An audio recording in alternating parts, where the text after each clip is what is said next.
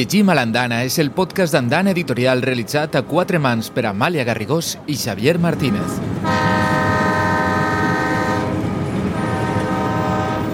El trajecte que comença ara, des del nostre vagó de versos, és una invitació a viure la vida amb poesia. Llegim a l'andana.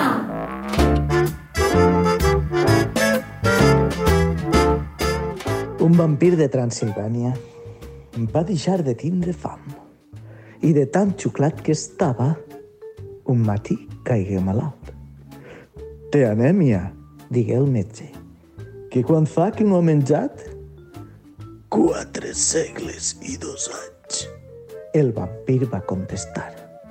Ui, vostè està molt malalt, respongué el metge espantat. Hem de fer-li ben de pressa una transfusió de sang. El vampir se'l va mirar amb els ulls esbatanats i llavors li va respondre, veient créixer els seus ullals. Senyor metge, no em fa falta, que el remei jo sé quin és. Us faré un mos en el coll i ben bo em posaré.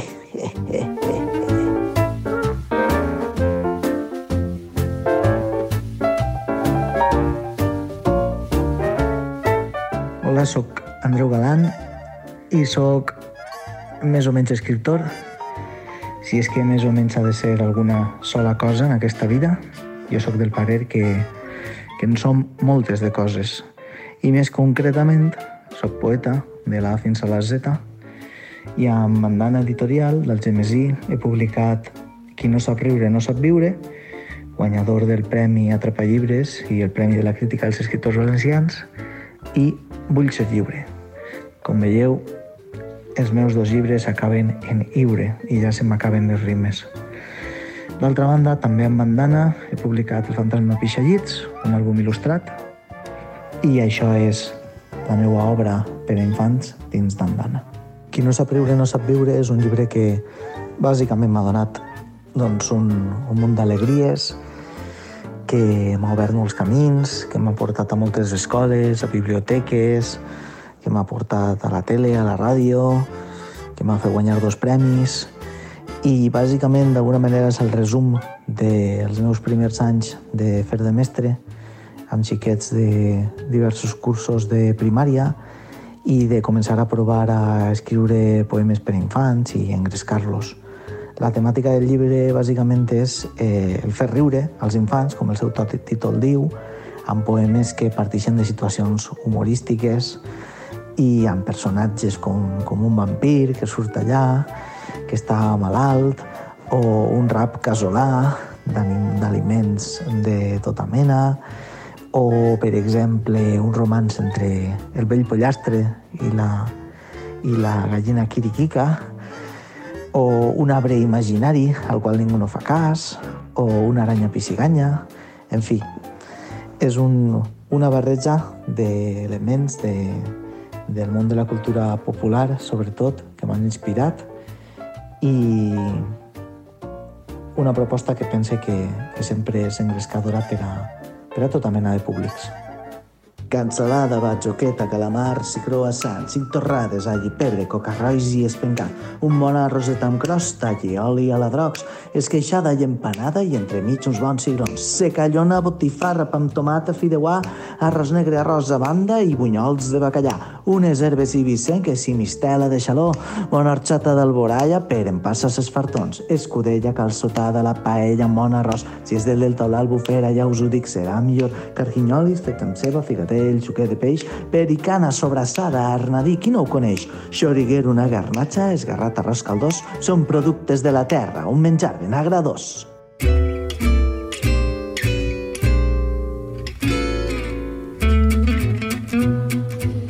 Ens trobem a la plaça de l'Ajuntament de València enregistrant este contingut sonor en el marc de la desena edició de la plaça del llibre. És el festival literari al carrer on està ben present una editorial amb experiència i 100% valenciana. Es tracta de Andana, Avui llegim a l'andana poesia. Hem obert boca amb els versos del poeta Andreu Galán, a qui continuarem sentint més endavant. Andreu, com molts altres autors i autores, formen part de l'ampli i divers catàleg de poetes d'Andana Edicions. Fina Girbès n'és una d'elles. Durant molts anys s'ha dedicat a l'ensenyament de l'àrea de valencià, en primària i secundària, correctora de textos, vaja, una militant del valencià, una amant, una apassionada de la nostra llengua. Ha col·laborat en la publicació de llibres de text i material didàctic i és autora de nombroses propostes didàctiques i d'animació lectora. Per a Andana ha publicat tres llibres de poemes en la col·lecció Vagó de Versos. Quins són aquests llibres, Fina? El primer de tots Entre cel i terra, que el tenem així. És el primer que em va així. Després tinc que sonen els versos, que és el que tinc entre les mans. I per últim, eh, l'última publicació d'Andana va aconseguir el Premi Fundació Caixa Cooperativa d'Algemesí, que és El món al revés. Volem sentir-te amb alguns dels versos. Quin llibre tries? Bé, he triat que sonen els versos i he triat el poema Besos perquè sóc una... És dir, en tots els meus poemaris els besos apareixen i les abraçades. M'encanten els besos i les abraçades. Per tant, el poema que vaig a llegir es titula Besos. Besos a les galtes que deixen senyal, dels teus llavis rojos vius com el coral. Muac, muac, ai com besen, com saben besar. Són la medicina que lleva el pesar. Besos a les temples quan ja sóc al llit, que desfan con neula qualsevol neguit. Muac, muac, ai com besen, com saben besar. Són pólvores màgiques que allunyen el mal. Besos que s'envolen del, des del teu palmell fins a mi arriben empentats pel vent. Muac, muac, ai com besen, com saben besar. Besos a tothora amb sabor de mar. Fina, parlar de besos quan hem passat la pandèmia, la... estem encara en la crisi sanitària i sembla que ens estem contenint no? a l'hora de besar-nos, tocar-nos, abraçar-nos. Jo ara ja m'he desmelenat un poc, és a dir, ja, ja pense que toca besar-se i abraçar-se almenys és de casa. Eh? Jo vaig estar contenint-me, de fet, eh, en un altre poemari posa eixa contenció, eixa falta de trobar a faltar els besos i les abraçades. Que bé que pugues transmetre este caliu als xiquets i xiquetes, perquè de quines edats estem parlant? A qui va adreçat? Bé, eh, el poemari va adreçat si mires darrere, normalment fica l'edat, Andana no la posa, que és molt bona estratègia, perquè el poemari pot anar fins de xiquets de, de segon de primària, anem a dir per edats, 7 anys, fins, a, fins als 90. La poesia, com la música, és el millor acompanyament per a arredonir els moments més especials de la nostra vida, o els més simples, no, Fina? Jo crec que la poesia eh, és música, és cançó, i la poesia crea també una cosa molt important per a mi, que són vincles, vincles emocionals. És a dir, eh, jo conec generacions, jo he tingut generacions d'alumnes que ens uneix, ens uneix un poema. I aleshores també eh, crea vincles de sentiments i vincles d'emocions. Una altra de les autores de la col·lecció d'Andana Vagó de Versos és Mari Carmen Saez Lorente, qui coordina el grup d'animació cultural L'Argila, participa en nombroses activitats culturals, tallers d'animació lectora, recitals de poesia, teatre, contacontes. És professora de teatre de l'Aula de Teatre a la Societat Coral El Micalet de València. Ha publicat molta obra infantil i juvenil molta obra per a adults i volem conèixer Versos retrobats, que és el seu primer llibre de poesia infantil, que a més ha guanyat un premi, no? Eh, sí, el meu Versos retrobats ha guanyat enguany el Premi Fundació Caixa Cooperativa del Gemesí, està publicat per Andana i és un llibre màgic. Eh, pel que té de, els colors per dins, els, però pels poemes i els dibuixos que estan molt bé. Bé, eh, per a con el conèixer millor, jo vull llegir un poema, de moment, que es diu Pinta. Pinta un cel de color ben bonic i un camí que, en compte de pedretes, tinga estels de paper. Pinta, si vols, un oceà amerat de llum, amb finestres per tot arreu, i una bruixeta bona que ens agafa de la mà, si a la fosca estem desperts.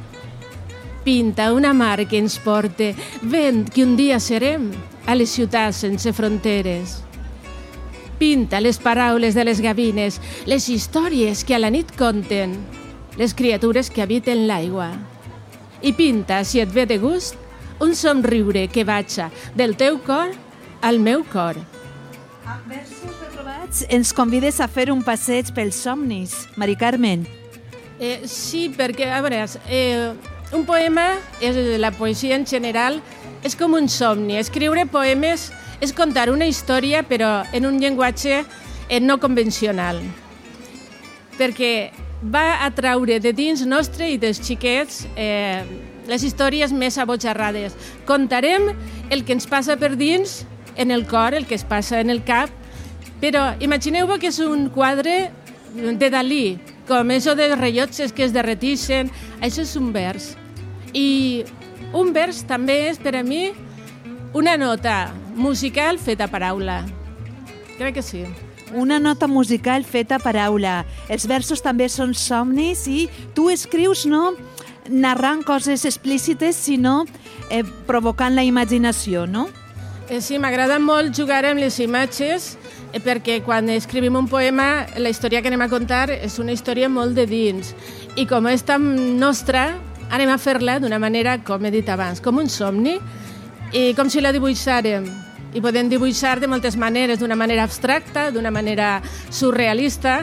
Això és un poema una miqueta surrealista, perquè quan som xiquets el nostre cervell és una miqueta surrealista. Fina, Mari Carmen, dos autores, dos poetes adreçades al públic infantil i familiar. Un dels propòsits de la poesia és canalitzar de forma estètica sentiments profuns i realitats complexes. Per què escriviu per a infants i com ho feu? per a infants mm, no sé la raó, és a dir, en un moment determinat de la meva vida, ja majoreta, als 50 anys, va despertar en mi, no sé si al ser iaia, i tindré el primer net, va despertar en mi eh, un primer poema eh, que seria Iaio, justament. I vaig comprovar que que m'omplia, és dir, vaig comprovar que agradava el poema també. Aleshores em vaig animar a escriure poemes i d'ahir va començar la meva primera publicació de llibre de poemes. Aleshores, jo en els poemes eh, he de dir que els meus poemaris tenen una característica, que és que tots ells es vertebren per un poema inicial. I aquest poema inicial, és, per exemple, este que sonen els versos, eh, està dient que tots els poemes de dins han de tindre alguna cosa que sone. Estan tots basats en onomatopeies ahir has de sentir la música, has de sentir els sorolls quotidians, com pot ser el soroll del raucar d'una granota, o el velar d'una ovella, o el riure, val? Aleshores, tots els meus poemaris, el poemari entre cel i terra, són coses també, perquè a mi m'agrada també eh, que el xiquet se senga identific identificat en, en allò que llits. I aleshores puc fer un poema d'un pla d'espaguetis, o puc fer un poema eh, d'un pirata, és a dir, puc fer poemes de coses quotidianes, de l'escola, de, de mostres, i, les, i l'últim poemari, El món al revés, el, es caracteritza perquè tots els poemes estan dient mm, coses que passen al revés o que voldrien que passaren del revés. I en el teu cas, Mari Carmen, que vens de la poesia per adults, la primera experiència per a infants, quina diferència hi ha a l'hora d'expressar-te? Eh, en realitat no hi ha tanta diferència perquè la poesia per adults eh, ja t'he dit que és, eh, expressa el somni de l'adult i la poesia per infants, la d'infants. Eh, jo no sé el per què, com ella eh, he triat, jo no he triat fer poesia infantil, perquè quan jo vaig a una escola i els xiques me pregunten per què eres escriptora, i dic, no, és eh, la poesia, la que te tria tu, o la narrativa en qualsevol moment. Eh, jo no he decidit que escriure poesia. He escrit sempre poesia infantil perquè en els meus eh, contacontes, els meus espectacles, jo poso també poesia dins dels... La poesia infantil és una de les apostes d'Andana Editorial, la col·lecció Vago de Versos, Està així Ricard Peris, el seu editor i fundador. Per què no posem l'edat exactament? És una bona estratègia, no?, per a obrir el ventall de possibilitats. Eh, no posem edat perquè jo, que tinc 45 anys, llegeix poesia infantil i m'ho passe molt bé. Vull dir, per tant, per què posar-li barreres allà on no hi ha? Quants llibres hi ha en vagó de versos ja publicats? Eh, jo crec que ja hem superat la vintena. Vull dir, va ser una, una aposta, la primera col·lecció de poesia infantil en valencià. Després va vindre també el primer premi de poesia infantil en valencià. I ha anat creixent eh, amb una gran acollida del públic, no? que era una, allò que, que tant els preocupava. No? Dir, com feu poesia, editeu poesia infantil? És una botxeria, no? i a poc a poc oferint bons llibres, bones autores, eh, bones edicions. Jo crec que hem aconseguit eh, el que buscàvem, no? a, a conquerir al, al lector i portar als, als grans, no? als, als mestres, als pares i tot això, a descobrir que als fills els agrada llegir poesia infantil. Jo crec que això és el més important, no? que teníem... Sembla ser que quan et fas grans perds aquest eh, encanteri i quan hem portat eh, llibres de poesia als infants eh, ho han gaudit i han transmès aquesta estima per la poesia a nosaltres que l'hem perdut, no? hem despertat aquest Peter Pan que, que portàvem dins. Parlem dels beneficis de la poesia. Què aprèn la xicalla a través dels poemes? Escoltem l'opinió del poeta Andreu Galán.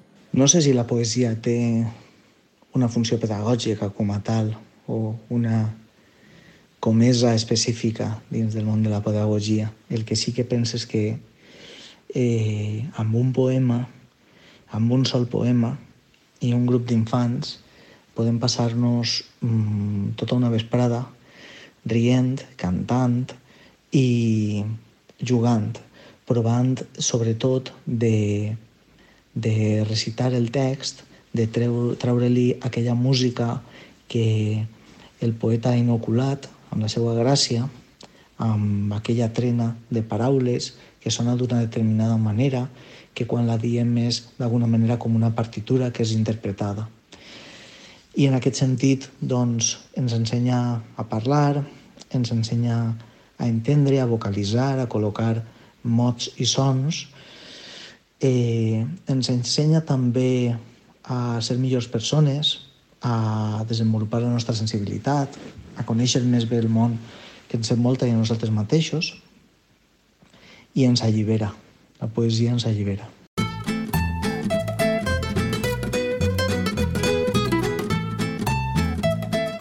Amb un poema podem passar tota una vesprada cantant i divertir-nos i ens ensenya a ser millors persones. La poesia ens allibera, afirma el, el vostre company de la col·lecció Vagó de Versos, Andreu Galán. I esteu d'acord que la poesia allibera?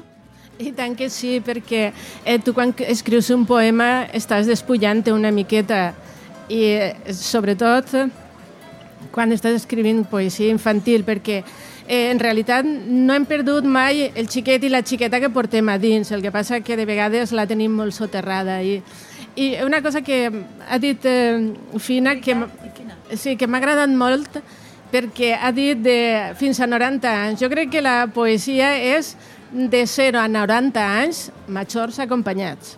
O sigui, que és per a tothom. No? La poesia, per tant, no té edat, eh? Des del vostre punt de vista, quin és el paper pedagògic i didàctic de la poesia fina? Mira, jo estic anant ja fa 15 anys, faig visites d'autora eh, a centres escolars, com Mari Carmen també. Jo vaig normalment a classes eh, aules de tercer, quart de primària, cinquè, sisè, són els cursos que normalment eh, trien els poemaris que jo tinc fets, no? I aleshores jo comprove que els xiquets es despertes la creativitat, és a dir, els xiquets es, es veus com en una poesia, quantes coses poden fer en una poesia. Jo començo preguntant qui se sap un poema i normalment he de dir que això fa falta treballar un poc més. És a dir, jo recorde la meva generació que sabien poesies de memòria i això s'ha de recuperar, perquè una poesia, saber-la de memòria i guardar-la en el cor per a tota la vida, això és un, un, un gran regal que tens, un tresor que tens ahí guardat. Eh? Jo s'ho presente com un tresor. Aleshores, eh, quan tu treballes els poemes en ells, els, els motives a la creativitat, perquè en un poema poden fer de tot, poden dramatitzar-lo, poden recitar-lo de maneres diferents, poden fer cal·ligrames, poden llegir-los al revés, a l'endreta. És a dir, eh, es despertes i se cuquet per la poesia i fas que la poesia arribi a ells, perquè eh, moltes vegades els, i, i fins i tot els adults veien la poesia com una cosa llunyana, una cosa difícil, en un vocabulari molt... en unes metàfores que no entenem. I aleshores els xiquets viuen la poesia i la viuen com a seua, com s'identifiquen en els poemes, es viuen. Te trien el que més els agrada, eh, recitem junts, i és un plaer, és un plaer treballar la poesia en, en, en la xicalla. Quines experiències heu tingut amb els xiquets i xiquetes amb els vostres versos, Mari Carmen? Bé, eh, bueno, els meus versos i també jo els ensenyo a escriure també poesia. Eh, tinc unes tècniques que no vaig a contar-vos, però bé, això. Però eh, últimament estic anant a alguns col·les, he anat, hem fet un taller, però ha sigut un taller improvisat, eh, però per part d'ells, perquè ha sigut una meravella. Els agrada llegir poesia i volen llegir-la en veu alta. Els ha ajudat a representar els personatges perquè això, si tu fas riure un xiquet, eh, ja eh, el tens conquerit. I pots fer-lo riure i pots fer-lo plorar també, però perquè és això com diuen, que la comèdia és drama, però eh, menys temps, al revés, no? més temps. I eh, l'experiència és fabulosa perquè eh, ells no són tímids a l'hora d'agafar un llibre de poesia i llegir-lo, no tenen complexos com les persones, perquè n'hi ha gent que sempre han dit eh, t'agrada la poesia, has dit la policia, eh, s'han fet bromes eh, sempre sobre la poesia com si fora un, un pedrusco ahí, un, un ladrillo, no? que diuen, però la poesia és, eh, és la nostra ànima, la nostra ànima que és al carrer i és necessària més que mai, perquè eh, ens fa més humans i de veritat que el nostre cervell, sobretot si comencem des de menuts, es fa, es respira, eh, és com entrar aire i neteja totes les boirines que n'hi ha dins. Quin feedback rebeu des de Andana Editorial del professorat o de les escoles en relació amb la poesia, Ricard?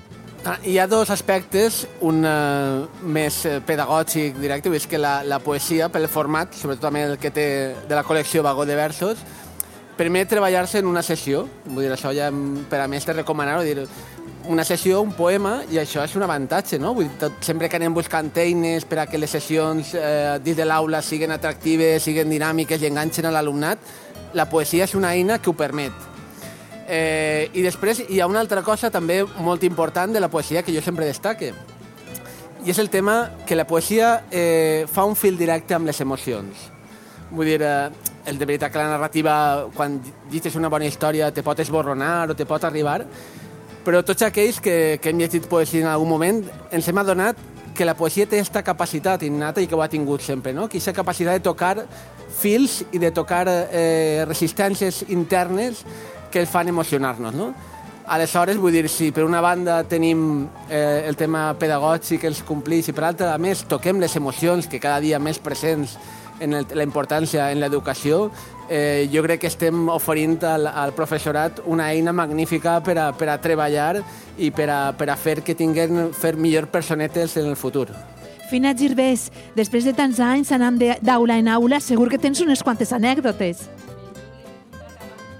una anècdota respecte a un poema d'Entre cel i terra, mm, perquè jo comence també moltes vegades fent-los preguntes, no? I aleshores hi ha un poema que se presta molt per una pregunta. Eh, jo es dic, anem a veure com es diu el dit més menuder de la mà. Aleshores, els xiquets mm, sí, saben en castellà, diuen meñique, no? Ho sabeu vosaltres com es diu el dit? En, en valencià. En valencià, este dit, ho sabeu?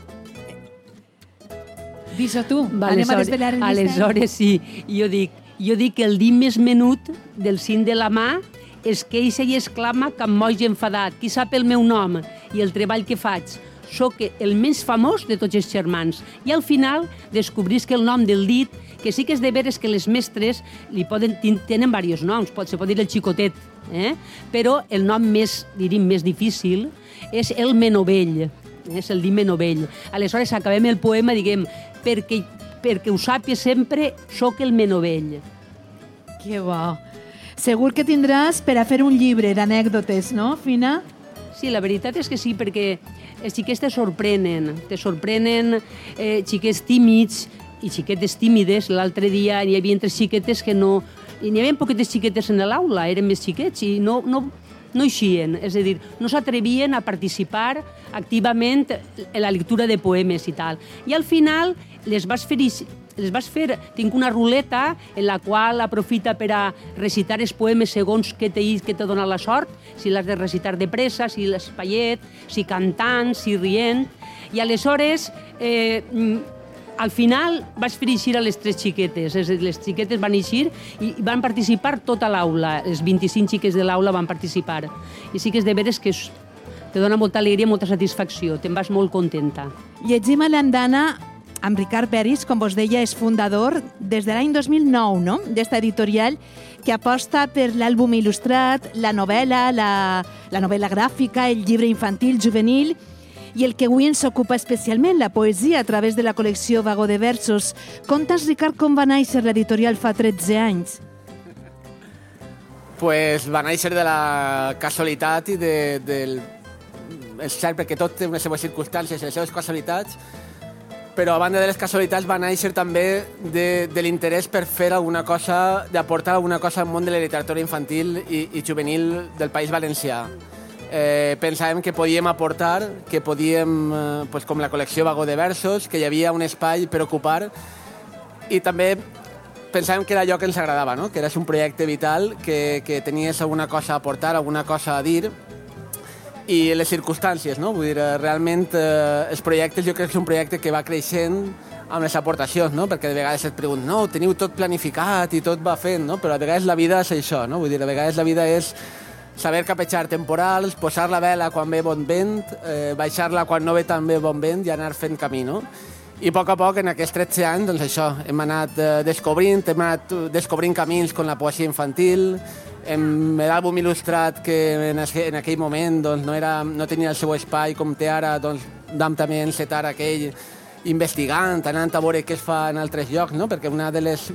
Jo crec que una de les coses, una de les dobles guies que sempre ens ha agradat és per una banda treballar el, el, el sentir-nos valencians, no? I treballar autores valencianes, com tenim així amb nosaltres, eh, potenciar llibres, crear com La Maria no té por, Els espantacriatures, despertar-los, però al mateix temps també estar atents a allò que passa al món, no? Per això sempre hem, anat, hem estat presents en la Fira de Bologna, atents a les tendències que hi han per tot arreu, i jo crec que aquesta doble vessant, no? de, de allò que passa al món i, i aprendre, cada dia aprendre a fer millors llibres, i al mateix temps doncs, posar en valor el que tenim, no? que som valencians, no? ara que València cada vegada està més al mapa, no? per sort, i en aquests 13 anys anar creixent, doncs això, estar orgullós de ser valencians i fer al final que pensem que és el més important del món, que és fer llibres per a xiquets i xiquetes.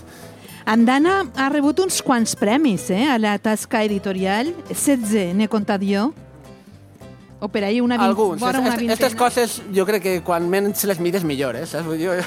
El vostre millor premi és trobar un lector o una lectora amb, eh, amb un llibre d'andana, no? Jo crec que el nostre millor premi és mantenir aquesta curiositat no? I, i aquesta capacitat de sorprendre's, no? de passar per un lloc i veure un xiquet llegint un llibre que, que has editat o que has escrit, o passar per ara per un aparador i veure que aquell projecte que tu un dia vas imaginar està allà. Aquesta capacitat de sorprendre's i d'alegrar-se jo crec que és el millor premi que n'hi ha. Quants eh, llibres heu editat fins ara? Doncs ara estem encara en uns quals crec que en aquest estiu comptàvem uns 330. Hi ha un concepte curiós en l'editorial Andana per a elaborar el catàleg, no? que és la convivència entre llibres. Explica'ns això, què vol dir.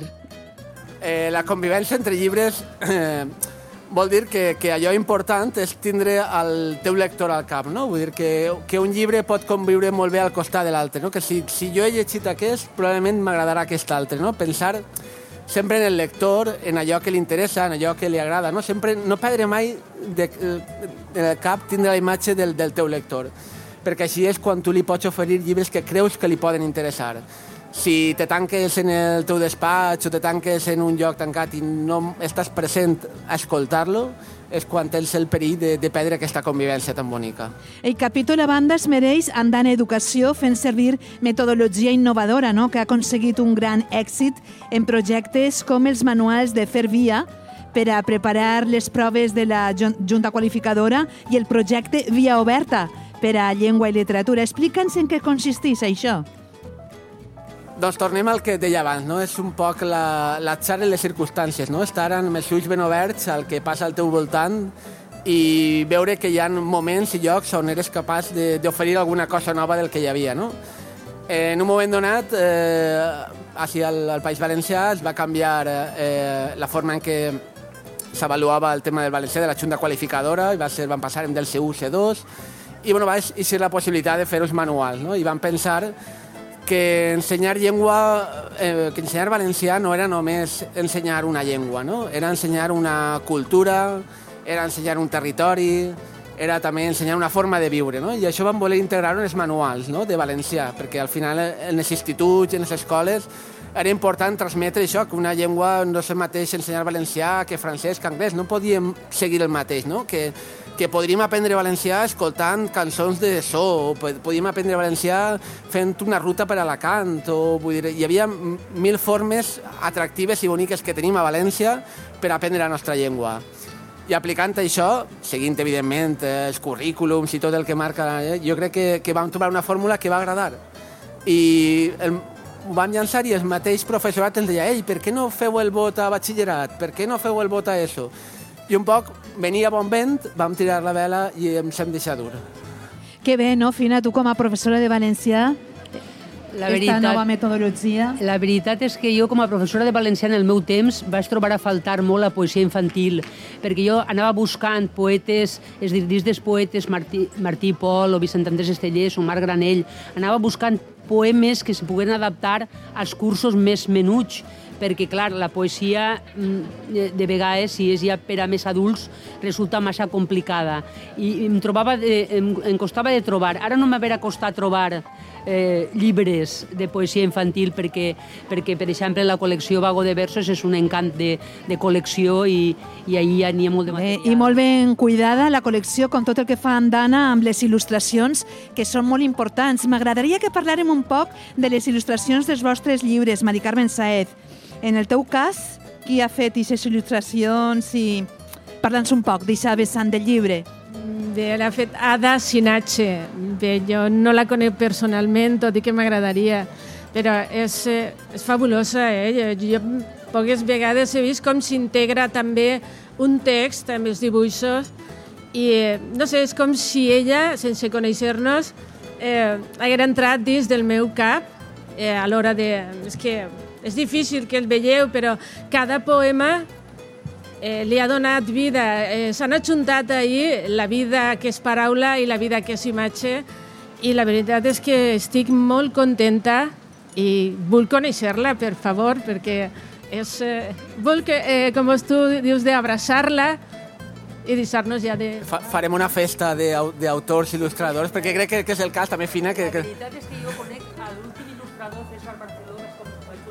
Fira del Llibre, i, és un goig conèixer l'il·lustrador o a l'il·lustradora. He de dir a favor de, de la col·lecció Vago de Versos que Ricard ha fet una aposta pel color en els poemes i això és una cosa que li dona una vida al llibre perquè si hem de dir que quan jo vaig a comprar un llibre la primera cosa que em captiva és la portada i aleshores les portades, com podeu observar, ja són atractives i el color eh, interior dels poemes eh, és una cosa, és una preciositat. Se queden verdaders tresorets de bombonets de, de llibres, eh? gràcies a l'il·lustració. Jo crec que, bueno, Fina, en aquest cas, que té tres llibres, no? Eh, pot parlar, ja, ja ha fet un tas de diferents, no? Jo, jo, crec que això està molt bé, que parlen d'aquest treball, però nosaltres la, la il·lustració, vull dir, la forma, vull dir, és important eh, una matèria prima inicial, sense una bona matèria prima inicial no faríem res, vull dir, tenim mm, excel·lents poemes de, de les creadores. però a partir d'ací tan o més important és l'embolcall que, el, que, en el que el venem, no? Vull dir, perquè no, no, no seria just ni mereixeria eh, que no farem un embolcall a l'alçada de, dels poemes. I és més important encara per captivar al lector, no? Aleshores, per nosaltres, eh, que tots els autors parlen bé no? de, del treball editorial, de les il·lustracions que triem, de com ho fem. De... Per mi, jo intento sempre que l'autor estigui implicat, bueno, els autors estan així, estiguen implicats en aquest procés, es fem partícips, vull dir, perquè crec que és un treball coral, no? Vull dir, un, fer un llibre eh, participa molta gent, participen eh, l'autor, eh, correctors, il·lustradors, maquetadors, no? I tots sumem i, i treballem per a fer un millor llibre. No? Jo crec que aquesta, crear aquestes sinergies és un poc la funció de l'editor, no? Estar sense estar, que funcione tot i que els autors i els il·lustradors estiguin contents. Així us heu sentit vosaltres, no? Deixant-vos fluir. La veritat és que el fet d'anar veient com es generen les il·lustracions, te les passen, les veus, les veus ja en PDF, i ja comences a il·lusionar-te. Després, quan veus el llibre definitiu, ja és una passada de, de llibre perquè eh, són llibres molt bonics, molt bonics. Tornem als versos, estem ja acabant este episodi del podcast d'Andana, llegim a l'Andana. Mari Carmen, quin poema has triat en esta ocasió? He triat un que és un poema fet cançó, que l'ha fet Rubén Suárez Benítez, que és un gran cantautor que se dedica molt especialment per a poemes per a xiquets, i és la Sireneta de pell bruna vinguda del sud. Sireneta d'aigua salada, missatgera del sud, fada somiadora dels camins, dels contes que mai no acaben, Amazona vinguda d'una terra llunyana i fosca, de fam, crits i guerra. Marinera de pell bruna que plores dins la teua barca, abandonada a la fúria encesa de la mar salvatge i blanca. T'ompli la mirada tota la llum d'un sol d'infantesa. Sobre la pell, el foc que t'ha robat la llar i la vida. Les onades canten l'esperança d'una illa entre la boira, marinera de pell bruna que plores dins la teua barca, abandonada a la fúria encesa de la mar salvatge i blanca.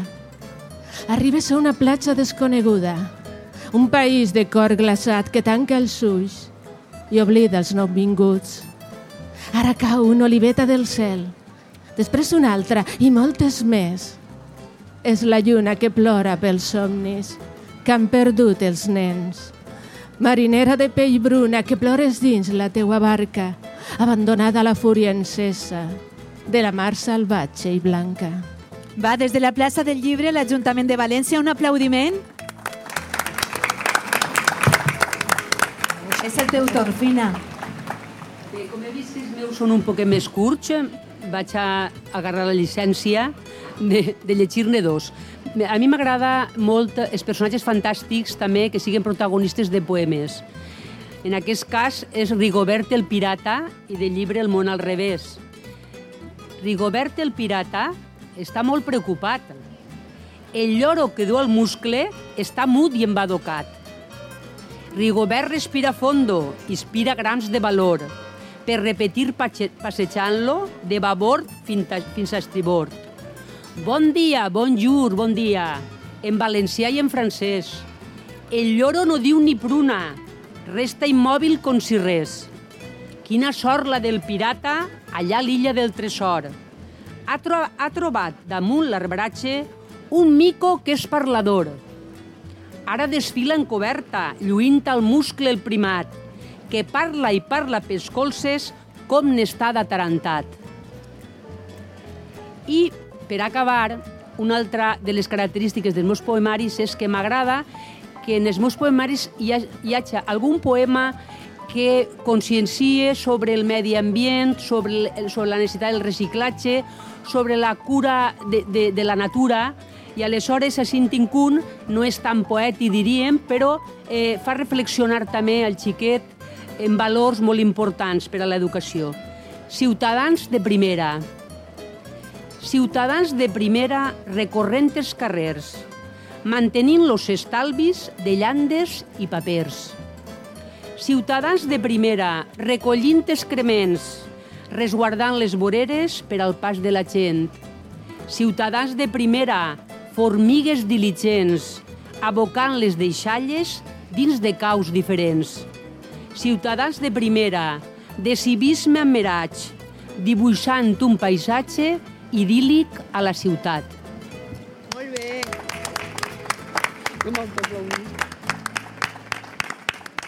El poeta Andreu Galán ens recita un poema de l'últim llibre editat per Andana, Vull ser lliure. El suc d'estimera t'activa el cervell, rebrega les golfes dels teus sentiments. T'entén la morera que al cor sempre hi tens i el món que t'envolta tot d'una et corprèn. I et busques endins i et trobes colors als quals no sabies posar-los un nom i deixes paraules per tots els racons que al teu interior cercaven un lloc. Perquè ets una veu maldant per parlar, el ble d'una flama que espera cremar.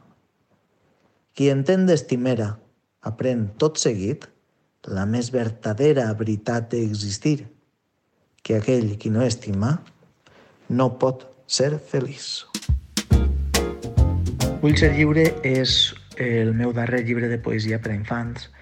És una obra mm, centrada sobretot en el món de, de les emocions, lluny de mm, un enfocament, diguem-ne, eh, academicista o encotillat o ha passat pel sedàs de l'adult que vol ensinistrar als infants i que se li veu el llautó. I, per tant, són poemes, doncs, eh, sobretot juganers, divertits, en què tracta temes com la soledat, um, l'ètica personal, la, les preguntes de la vida, uh, l'egocentrisme i tota mena de temes que afecten els infants d'avui en dia. És un llibre diferent en què a través de la recitació dels poemes i sobretot de la reflexió eh, podran treure molt, molt de suc, sobretot a, a les escoles, amb, amb una atenta lectura i sobretot doncs, provant de recitar-les els, els textos. Quan t'empipes molt, molt, molt, quan la ràbia et pren, pren, pren, compte alto per al tren, que segur que algú et comprèn. Cal, cal, cal que et tranquil·litzes. Cal, cal, cal que no t'ensengues. Compta una, dos i tres. Pensa, pensa en el que sents. No t'ofusques, no t'estresses. Sigues arbre, sigues cor. Fes ben fort una alenada.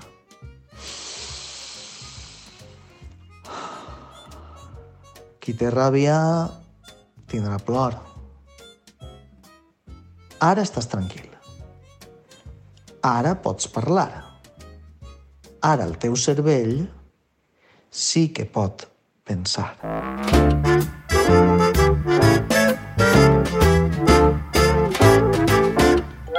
Amb este respirar fons, al que convida Andreu Galán, posem la cirereta poètica d'este podcast. Agraïments a la plaça del llibre que ens ha posat totes les facilitats per enregistrar el podcast per molts anys de literatura al carrer i on siga menester. Moltes gràcies per la vostra calidesa, Fina Girbés, Mari Carmen Saez i Ricard Peris, editor d'Andana. Continuarem aprenent i emocionant-nos creant nous lectors perquè el que diu Ricard és molt important. Editar sempre és un art, però en el cas específic del públic infantil, el nivell artístic ha de ser encara més elevat. Això ha de ser perquè recordem que als xiquets els donem el millor que tenim a casa, vull dir, sempre el millor menjar, el millor coses. En la literatura hem de ser igual d'exigents hem de donar-los el millor que tenim i ficar tots els nostres esforços per a que el futur siga millor. I això passa per donar-los bons llibres. Posar els fonaments, i això significa una responsabilitat afegida, entendre l'edició com un art fa que les i els il·lustradors, els escriptors i escriptores tinguen un segell clarament identificatiu en Andana, qualitat màxima i un goig llegir els llibres, sobretot per als infants, avui coneixent la col·lecció Vagó de Versos. A vegades pot ser només pel plaer d'escoltar la música dels versos, a vegades per escoltar, imaginar i dibuixar, altres per recitar junts. A l'editorial Andana hi trobareu moltes propostes per a inspirar-vos. Llegim a l'Andana. Gràcies.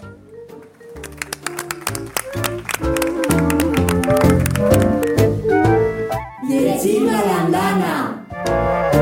Un podcast d'Andana Editorial realitzat per Amàlia Garrigós i Xavier Martínez.